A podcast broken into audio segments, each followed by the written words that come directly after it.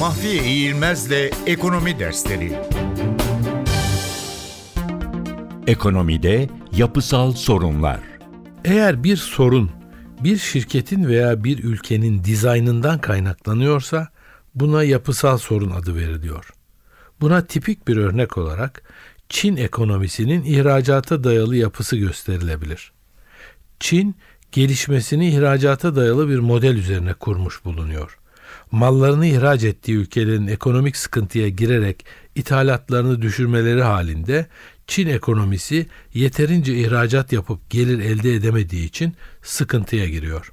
Yapısal sorunların yapısal çözümleri için soruna yol açan konunun en baştan ele alınıp yeniden dizayn edilmesi gerekiyor. Mesela Çin'in bu sorunu çözümleyebilmesi için yalnızca ihracata dayalı bir model yerine ihracatla birlikte iç talebi yükseltecek yeni bir modelleme içine girmesi gerekiyor. Yapısal sorunların çözümü için geliştirilen yeni formüllere de yapısal reform adı veriliyor. Çin ihracatla birlikte iç talebi de artıracak ve üretimini iki yönlü değerlendirilebilecek bir yapıya geçerse yapısal reform yapmış olacak.